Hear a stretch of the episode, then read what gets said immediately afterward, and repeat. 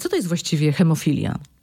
Hemofilia to jedna ze skaz krwotocznych wrodzonych, czyli takich, z którą, e, z którą się rodzimy. E, nie jest to najczęstsza skaza krwotoczna, ale może najbardziej znana przez to, że, że, że jej historia jest długa i ciekawa. Natomiast hemofilia to jest taka skłonność do krwawień, czyli osoba, która ma hemofilię e, ciężką, dziecko, będzie o tym wiedziało od praktycznie początku, od pierwszych lat życia, będą się pojawiać objawy, ale osoby, które mają łagodną hemofilię, mogą się o tym dowiedzieć w wieku dorosłym, nawet w wieku podeszłym, bo wtedy te objawy będą się pojawiać sporadycznie, różne krwawienia przy okazjach na przykład operacji e, czy wyrwania zęba. Także hemofilia to po prostu skaza krwotoczna wrodzona, z którą żyje kilka tysięcy osób w Polsce. Ale hemofilią, jak już pani powiedziała, nie można się zarazić, tak? Bo się nie, z tym rodzimy. Nie można się nią zarazić. Jest to choroba, która jest zapisana w naszych genach. Może tak być, że w jakiejś rodzinie choruje więcej osób, czyli na przykład bracia, prawda, albo, e, albo jakieś dalsze osoby. E, najczęściej tu od razu można wspomnieć, chorują jednak mężczyźni. To jest choroba przenoszona tak w sposób sprzężony z płcią, tak się to fachowo mówi. Czyli kobiety ją przenoszą, chorują mężczyźni. Nie jest tak, że kobiety w ogóle nie chorują na hemofilię, bo część nosicielek hemofilii może również mieć hemofilię, ale w ogromnej większości są to mężczyźni. Też warto jeszcze wspomnieć jedną rzecz. Hemofilia jest taka rzadka postać hemofilii, która ma charakter nabyty, czyli pojawia się na pewnym etapie życia, ale to jest niezwykle rzadkie, jest to ciężka skaza krwotoczna, jest to coś zupełnie innego od tej hemofilii, o której tutaj dzisiaj mówimy, czyli wrodzonej. Czy są jakieś takie podstawowe badania, które możemy wykonać, by stwierdzić, że mamy hemofilię? Jeżeli mamy takie podejrzenie, czyli na przykład dentysta zauważy krwotok po wyrwaniu zęba, albo na przykład operator y, po operacji uzna, że upływ krwi jest duży, że doszło do krwotoku, to wtedy wykonuje najczęściej podstawowe badania układu krzepnięcia. Przy czym problem jest taki, że one nie zawsze tą hemofilię wykażą. Ciężką postać tak, ale ciężką postać, jak wspomniałam, już od dzieciństwa to rozpoznanie mamy, bo dziecko ma wylewy dostawów, ma na przykład jakieś rozległe krwawienia z jakiejś rany czy, czy z jakiegoś innego miejsca.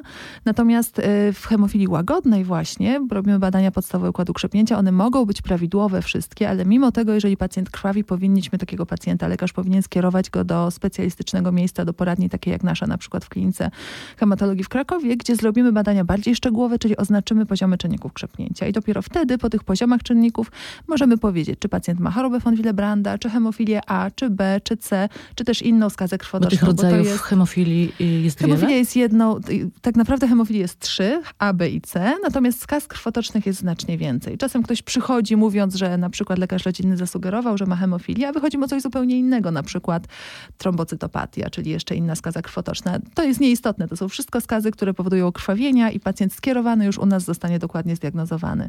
Więc gdzieś ta hemofilia tak funkcjonująca w świadomości lekarzy różnych dziedzin, to jest bardzo istotne, bo wtedy pacjenci są wyłapywani i kierowani, bo często sami do nas nie przyjdą, bo jednak musi to, ta inicjatywa być od lekarza. A powtórzmy, w jakim wieku najczęściej pojawiają się te pierwsze objawy? W ciężkiej hemofilii w pierwszych latach życia, jak dziecko zaczyna chodzić, przemieszczać się, doznawać urazów, to wtedy te objawy się pojawiają. Jeżeli, ta, jeżeli dana rodzina nie wie, że jest obciążona hemofilią, bo nie musi wiedzieć, może nikogo nie ma w rodzinie chorego, albo był tak dawno, że o tym nie wiadomo, to wtedy jest to zaskoczenie. Natomiast mamy też rodziny, które wiedzą, bo ktoś w rodzinie jest chory i wtedy takie dziecko jest badane od razu po porodzie. Tak, jeszcze to jest zanim, To jest wtedy prostsze, tak, o tym trzeba pamiętać. Natomiast jeżeli mamy postać łagodną hemofilii, to ona się może objawić w dowolnym momencie życia. Jesteśmy też przekonani, Czyli mając że... 40 lat, 50 i więcej? I.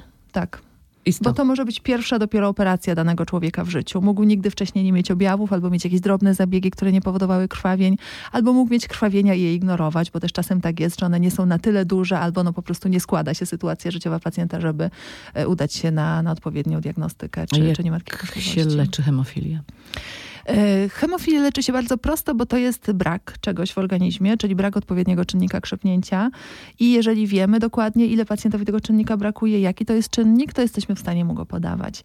Także ogromna większość pacjentów, y, którzy mają ciężką hemofilię, jest objęta tak zwaną terapią domową, mają odpowiedni preparat w domu. To jest albo czynnik ósmy, albo czynnik dziewiąty, w zależności od hemofilii i podają ją sobie samodzielnie, dożylnie. To są zastrzyki.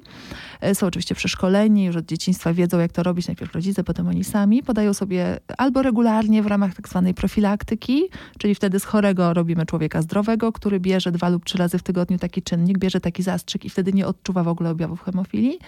Albo mamy mm, pacjentów leczonych, y, my to mówimy na żądanie albo doraźnie, czyli w momencie, jak pacjent czuje, że mu się zaczyna wylew, na przykład do stawu, szybciutko podaje sobie czynnik, żeby ten wylew opanować. Czyli z hemofilią możemy normalnie żyć. Można normalnie żyć, a, A tak czy pracować? naprawdę normalnie można żyć z hemofilią w Polsce od 2008 roku, bo od tego czasu mamy profilaktykę u dzieci od pierwszych lat życia, czyli od momentu rozpoznania ciężkiej hemofilii dziecko dostaje, y, jest objęte programem profilaktycznym, dostaje czynnik do domu, rodzice są uczeni i wtedy możemy zapobiec nawet wszystkim krwawieniom, zupełnie wszystkim. A jak z pracą, z ciężkimi pracami, na przykład no właśnie, natomiast ci pacjenci, którzy nie są na profilaktyce albo w przeszłości nie byli, czyli mają zmiany w stawach znaczne, oni są najczęściej inwalidami układu ruchu bardzo e, takimi upośledzonymi pod względem chodzenia, możliwości fizycznych, wydolności.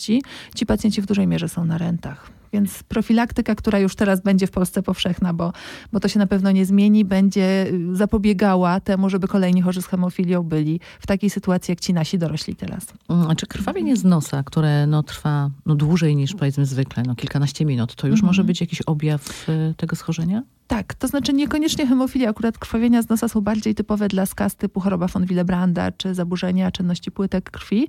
Natomiast oczywiście w hemofilii może się też tak zdarzyć. Także zawsze krwawienie takie nietypowe, dłużej trwające, bez urazu, czy też częste krwawienia powinny skłonić lekarza do skierowania pacjenta do poradni zaburzeń krzepnięcia i my wtedy już sobie radzimy z tym, czy to jest hemofilia, czy inna skaza i dajemy odpowiednie zalecenia. A przede wszystkim powinny skłonić pacjenta, żeby poszedł do, lekarza. tak? powiedzenia tego lekarzowi rodzinnemu. Lekarz wtedy powinien przepytać y, z również innych objawów krwotocznych, czyli na przykład pacjent, który ma i krwawienia z nosa i na przykład łatwo się siniaczy, albo kobieta, która ma duże miesiączki krwotoczne, które doprowadzają do anemii i do tego na przykład siniaczy się albo ma krwawienia z nosa, to już jest bardzo podejrzane. Wtedy ta diagnostyka w kierunku skaz powinna być zrobiona. I mamy takich pacjentów kierowanych przez ginekologów, lekarzy rodzinnych, którym rzeczywiście te skazy wychodzą. A które z krwawień y, mogą zagrażać życiu?